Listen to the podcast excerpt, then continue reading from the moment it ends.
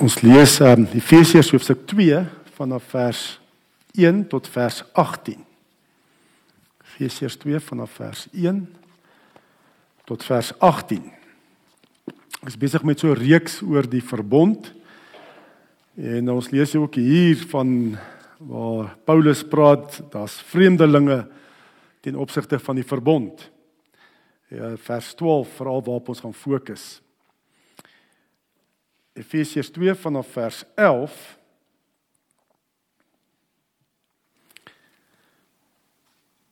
Hou dan in gedagte wat julle vroeër was.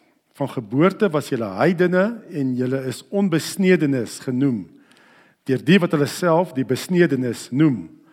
Al is die besnydenis net mensewerk aan die liggaam. In die tyd was julle sonder Christus uitgesluit uit die burgerskap van Israel, ver van God af sonder deel aan die verbonde en die beloftes wat daarmee saamhang, sonder hoop en sonder God in die wêreld. Maar nou is julle een met Christus Jesus, julle wat vroeër ver van God gelewe het, het nou naby gekom deur die bloed van Christus. Christus is ons vrede, hy wat die twee Jode en nie Jode een gemaak het. Deur sy liggaam te gee, het hy die vyandskap afgebreek wat vroeër soos 'n muur skeiding gemaak het. Die wet van Moses met al sy gebooie en bepalinge het hy opgehef en deur vrede te maak, het hy in homself die twee Jode en nie Jode tot een nuwe mensheid verenig. Deur sy dood aan die kruis het hy einde gemaak aan die vyandskap en die twee met God versoen en tot een liggaam verenig. Toe hy gekom het, het hy die goeie boodskap van vrede gebring. Vrede vir julle wat ver van God was vrede ook vir die wat naby was. Deur hom het ons almal Jode en nie Jode deur die een Gees vrye toegang tot die Vader. Ja, laas Sondag gekyk veral na die geskiedenis van Mefiboset, nê, nee, Mefiboset ehm um, wat heeltemal onbewus was van die verbond wat daar bestaan het tussen sy pa Jonathan en koning Dawid. En omdat hy onbewus daarvan was, het hy gevlug, het sy oppasser hom toe hy 5 jaar oud was van hom gevlug toe hy gehoor het uh, sy oupa Saul het gesterf en ook Jonathan en Dawid gaan nou koning word en toe vlug die oppasser met hom toe hy 5 jaar oud was, het hom laat val, hy het krepeel geword en hy het as 'n um, 'n voortvlugtige weggekruip weggekruip in Lodabar. Vir jare het hy daar weggekruip want hy het nie geweet van hierdie verbond wat daar bestaan tussen koning Dawid en sy pa Jonathan nie. En dan lees ons daar dat Dawid absoluut bewus was van hierdie verbond wat hy gesluit het met sy pa. En uh, ons lees in 2 Samuel 9 vers 1 waar Dawid vra en hy soek na die nageslag van Jonathan. Hy sê is daar nog iemand oor van die huis van Saul dat ek aan hom guns kan bewys ter wille van Jonathan. En Dawid soek Hy soek na iemand om guns, nê, nee, om iemand te seën want hy het 'n verbond met Jonathan. En dan dink mens net en dan vind hulle vir Mefiboset die seun van uh, Jonathan en uh, Dawid roep hom en bring hom terug en laat hom in die paleis eet en hy erf al die eiendom van sy oupa Saul. Ja, dink mens soveel jare is vermors. Ehm um, alles was net verniet. Hy hoef nie te gevlug het, hy hoef nie te geval het nie. Hy hoef nie daar sy voortvlugtige te geleef het in Lodabar nie. As hy net geweet het van hierdie verbond tussen sy pa en koning Dawid. Hy was 'n vreemdeling. Nee, hy was onbekend met die verbond wat daar bestaan het. En dan lees ons nou in hierdie skrifgedeelte waar Paulus ook sê in Efesiërs 2 vers 12 en 13 en hier is dit 1953 vertaling dat julle in die tyd sonder Christus was vervreemd van die burgerskap van Israel en vreemdelinge ten aansien van die verbonde van die belofte sonder hoop en sonder God in die wêreld. Maar nou in Christus Jesus het julle wat vroeër ver was naby gekom deur die bloed van Christus. Nou Paulus, hy verduidelik eers hierso die posisie van die Efesiërs, net die gelowiges daar in Efese. Hy verduidelik eers die posisie uh van hulle voordat hulle tot geloof gekom het, nee, hulle was ver van God af. Hulle was buite God se verbond. Nee, hulle was vreemdelinge van die verbond. Maar toe het God gekom en in die ou verbond, net die Ou Testament, was die verbond hoofsaaklik net beperk tot Israel. As jy deel van God se verbond moet word, moes jy eers 'n Jood word, nê? Nee, jy moes eers Israeliet word en dan word jy besny en word jy deel van God se verbond. Die heidene, die onbesnedenes, nê, nee, was uitgesluit. Hulle was ver van God af. Maar nou kom God met die nuwe verbond in Christus en hy maak dit van toepassing op alle nasies en tale. Almal wat glo in Jesus word deel van die nuwe verbond in Christus, nê? Nee? So vers 13, maar nou in Christus Jesus het julle wat vroeër ver was naby gekom deur die bloed van Christus. Ehm um, ja, eers ver nie geweet van die verbond nie. Dan kom jy tot geloof. Jy raak bewus dat Jesus Christus net al ons verbondsverbreeking betaal het aan die kruis. Sy liggaam is daar gebreek.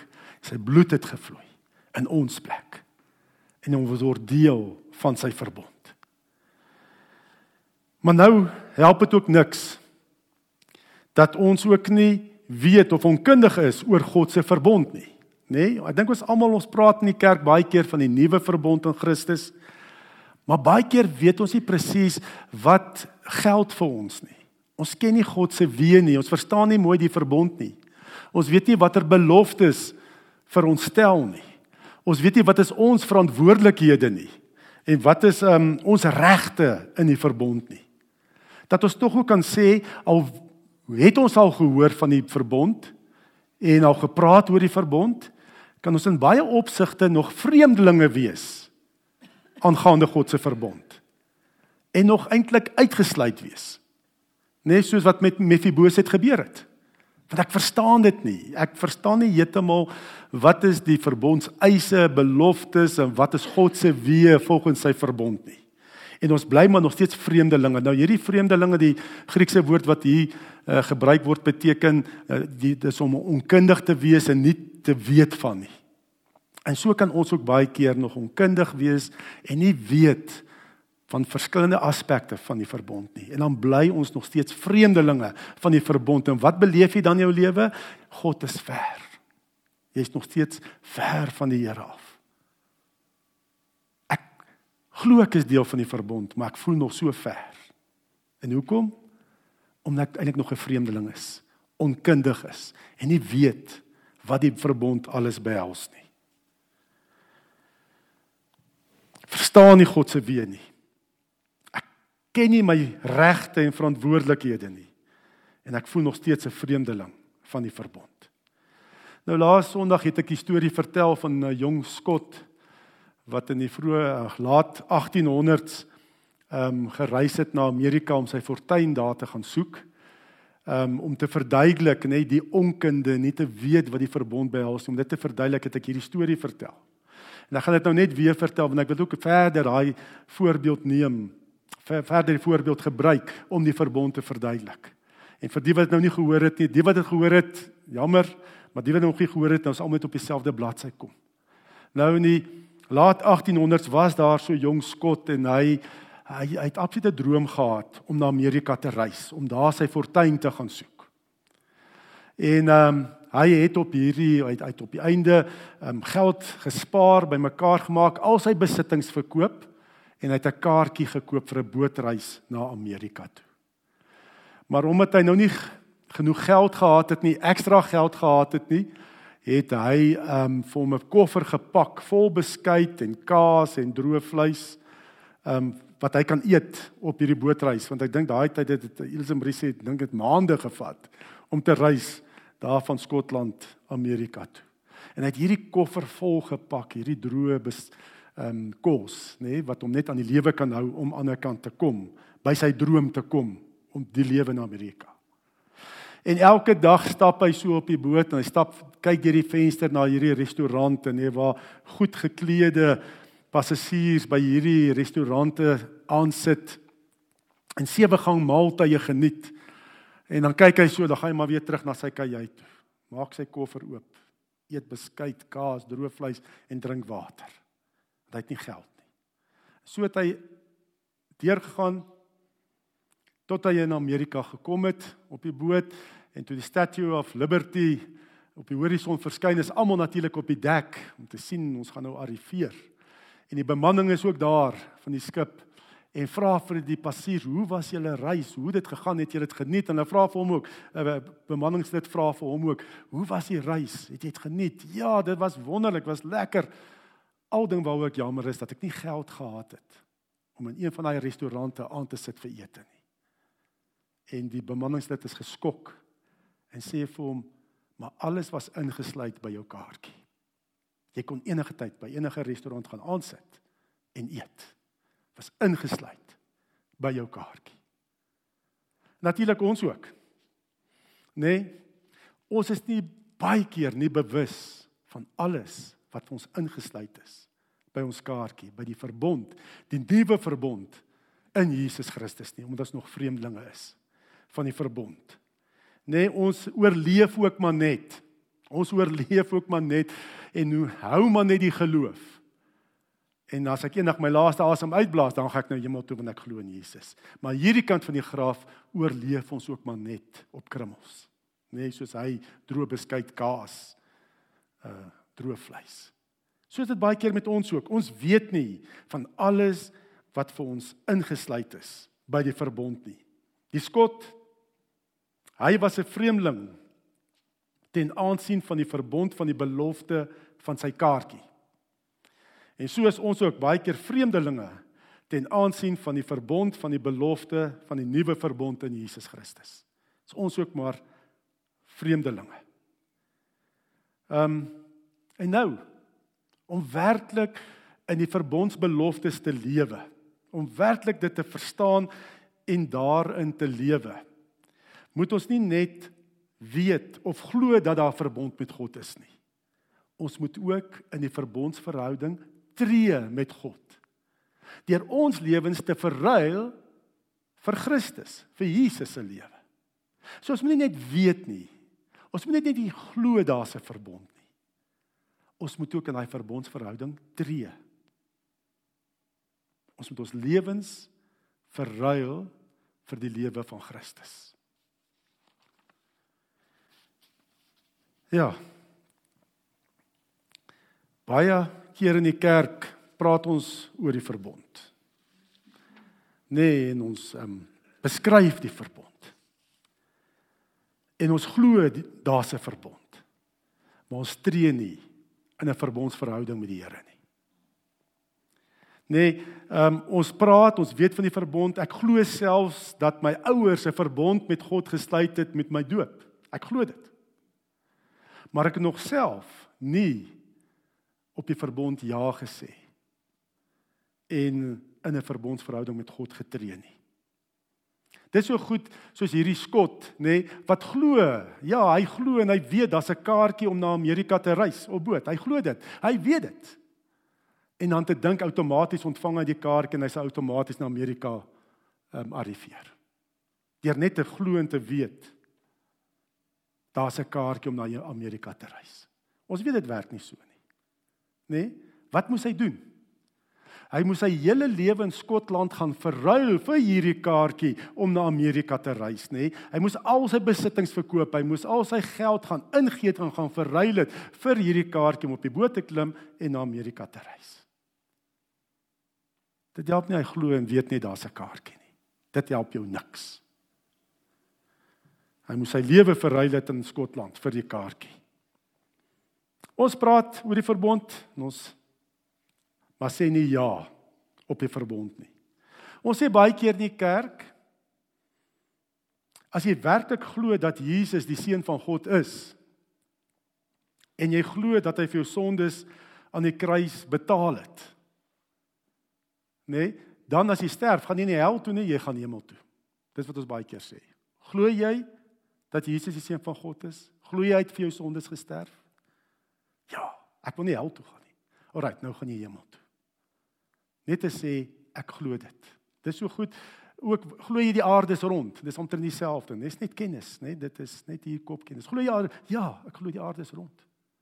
En so sê ons ook baie keer. Ja, ek glo. Glo Jesus Ek glo die feite van die kruis. Ek glo dat hy God se seun is. Ek glo dat hy die dood opgewek het. Nee, maar dit bly net daarby. Net 'n kennis. Die vraagstuk is eintlik nie geloof of die Here dit gedoen het nie. Dit gaan eintlik oor heerskappy. 'n Verbondsverhouding gaan oor heerskappy. Wie is in beheer van jou lewe? Dis waaroor God se verbondsverhouding gaan. Is jy nog in beheer? Of is die Here in beheer van jou lewe? Het jy al jou lewe verruil vir die lewe van Christus? Dis waaroor dit gaan.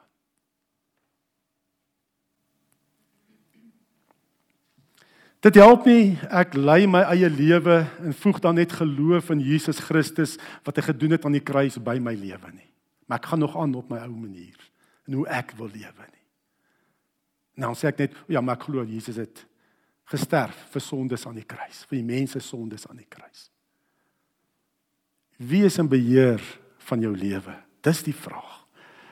Ehm um, ek dink die bose geeste Jakobus sê dit ook. Die bose geeste glo ook Jesus is die seun van God glo ook hy het vir mense se sondes aan die kruis gesterf. Maar die bose, bose geeste staan nie in 'n verbondsverhouding met die Here nie. Het nie hulle lewens verruil. Nee.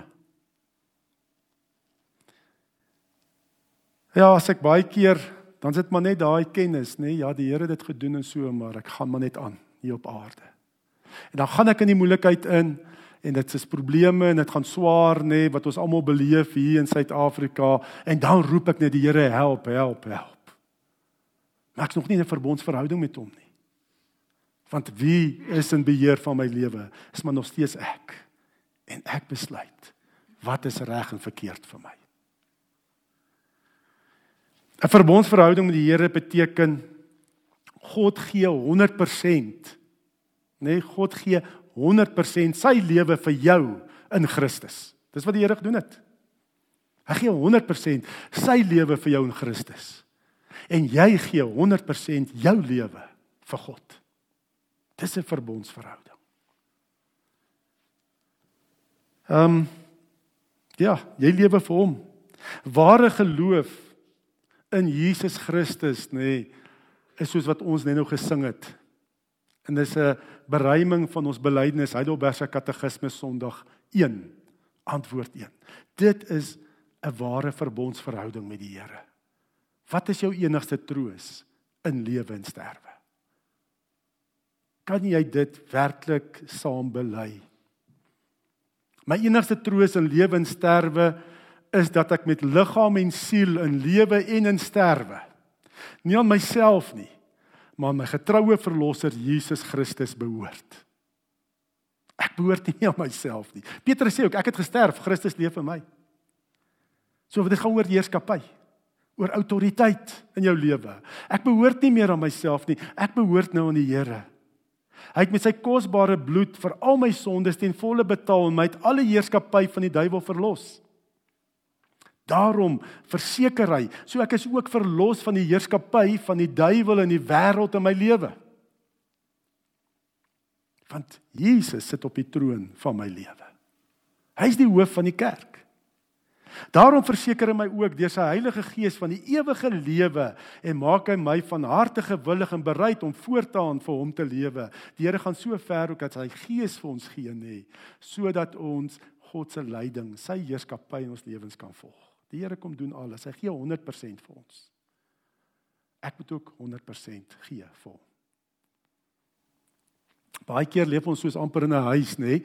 Ons het gas. Jy kry 'n gas in jou huis. En uh, die gas is natuurlik gewoonlik beperk, nê, tot tot die slaapkamer, nê, die die badkamer en die sitkamer en die eetkamer en die kombuis, nê. God is nie net 'n gas in ons lewens nie. Nee, hy is die inwoner, die eienaar van jou lewe. Jy kan nie beperk net tot sekere dele van jou lewe nie. Hy kom woon in jou. Jy is sy tempel. Hy het 100% gegee. Moenie vir jou nie self teruggaan nie. Gee die heerskappy oor aan hom. Dis 'n verbondsverhouding met die Here. Kan sê ek leef nie meer nie. maar Christus leef in my. Baie keer hoor ons mense sê, kerkmense sê, "Ooh, ek het dit en dit vir die Here gedoen." Ons doen nie meer dinge vir die Here nie. Nee. Nee. Hy die heerskappy. Die Here roep jou en lei jou en sê, "Gaan doen dit." Dis nie ding wat jy vir die Here doen nie. Hy werk in en deur jou. Hy doen dinge in en deur jou lewe. En as ek nou kwaad word oor iets wat gebeur, dan dan dink ek nee, nou gaan ek myself nou uh, wip in sulke goed. Ek kan myself nie wip in die kerk nie. Want ek leef mos nie meer nie. Ja, dinge is nie altyd perfek en volmaak nie, maar waaroor gaan dit? Gaan nie oor my lewe en my gevoelens nie. Wat sê die Here vir my in hierdie situasie? Wat sê hy vir my? Want ek leef nie meer nie, Christus leef in my. Ek doen nie meer dinge vir die Here nie. Hy werk in en deur my. Ek is geroepe en hy roep my vir sekere dinge. En dis ook ja, soos wat ehm um, Willie wat ek weet ook nou nie meer so gesond is nie, altyd gesê het ook jy retire nie in die koninkryk nie, jy refire, nê. Want hoekom? Ons bly geroepenis van die Here. Al is jy hoe swak en oud is jy nog steeds 'n geroepene van die Here. Om voorbidding te kan doen, nê, nee, is so kragtig, is so belangrik. So ons doen nie hier dinge vir die Here nie. Die Here werk in en deur ons. Leef as 'n geroepene, gee die heerskappy oor aan die Here. Tree in hierdie verbondsverhouding met die Here. Das wonderlike beloftes. Die as ek die beloftes moet saamvat en ek vat dit net saam, nê nee, vir ons. As jy in hierdie verbondsverhouding sê Here, my lewe behoort aan U. Die samevattende verbondsbeloftes is natuurlik nê, nee, ehm um, my sondes word alles vergewe. Nê, nee, Christus het betaal daarvoor. Ek kry 'n wedergebore gees waardeur ek vir ewig met God lewe, in lewe en in sterwe. Nee, my wedergebore gees beteken my verhouding, my lewe saam met God gaan nooit eindig nie. Die ewige lewe begin nou al. Dis hoekom die Here ons 'n wedergebore gees gee. En hy delegeer ook sy autoriteit aan jou om God en sy koninkryk hier op aarde te verdedig en te verteenwoordig. Dit gaan ons oor die koninkryk van God. Ons het nie evangelie net om verlos te ons het evangelie van die koninkryk van God. Wat praat van 'n koning? Daar's 'n koning as iemand wat heers oor iets. God heers oor ons. Hy het die heerskappy oor ons lewens. Dis 'n verbondsverhouding met die Here. Ja, vergifnis van sondes, die ewige lewe saam met die Here vir altyd en dan ook ek het gedelegeerde autoriteit om dit wat die Here vir my gewys het ek moet gaan doen. Hy gee my die autoriteit en die krag en die mag om dit ook te doen. En dis dinge wat nie uit myself kom nie, dis bo natuurlik. Hy kan meer doen, sê Paulus ook in Efesiërs, meer as wat ons kan bid of dink deur ons. Maar dan moet ons in hierdie verbondsverhouding met die Here lewe. So tree in 'n verbondsverhouding met die Here. Al het jou ouers al die verbond gesluit, dit geld vir jou ook, nê. Nee. Maar soos Mefiboset, moet jy weet daarvan. Jy moet ken, jy moet verstaan, jy moet ja sê op God se verbond. Nê, nee, jy moet ook in daai verbondsverhouding tree en sê Here, ek leef nie meer nie. Christus leef in my. U het die heerskappy in my lewe. U is die koning van my lewe. Dis 'n verbondsverhouding. En ek wil nou 'n geleentheid gee ook dat as jy nog nie in daai verbondsverhouding getree het nie, dat jy dit nou kan doen ook. En as jy dit al gedoen het, nê, nee, om te sê ja op die verbond, Here, U is die Here, dan kan jy dit nou net weer bevestig met hierdie gebed wat ons saam bid. In Romeine 10 vers 19 sê ons glo met die hart, bely met die mond, ons word gered en vrygespreek. En kom ons kom ons bely dit. Kom ons sê Here, ons tree Want wat bevestig ek hierdie verbondsverhouding met U, bevestig ek weer eens. En ehm um, dan kan ons hierdie saam bid. Dit gaan daar op die skerm wees. En uh, kom ons staan en dan bid ons hierdie gebed saam. En jy kan dit spreek dit ook uit. Spreek dit ook uit.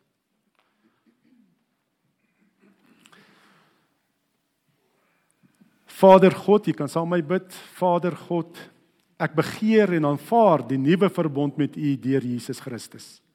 Ek besef die verbondsverhouding met U beteken dat ek alles wat ek het en alles wat ek begeer, my hele lewe aan U gee. Ek lewe nie meer vir myself nie, maar vir U as die Here van my lewe. Ek ontvang nou die vergifnis van al my sondes in Jesus Christus, asook U gedelegeerde autoriteit deur die werking van die Heilige Gees. Ek gee my ook onvoorwaardelik oor in U hande en maak my die persoon wie U wil hê ek moet wees. Saam met medegelowiges glo en bely ek ook my enigste troos in lewe en in sterwe is dat ek met liggaam en siel in lewe en in sterwe nie aan myself nie, maar aan my getroue verlosser Jesus Christus behoort. Hy het met sy kosbare bloed vir al my sondes ten volle betaal en my uit alle heerskappy van die duiwel verlos. Daarom verseker hy my ook deur sy Heilige Gees van die ewige lewe en maak hy my van harte gewillig en bereid om voortaan vir hom te lewe. Amen.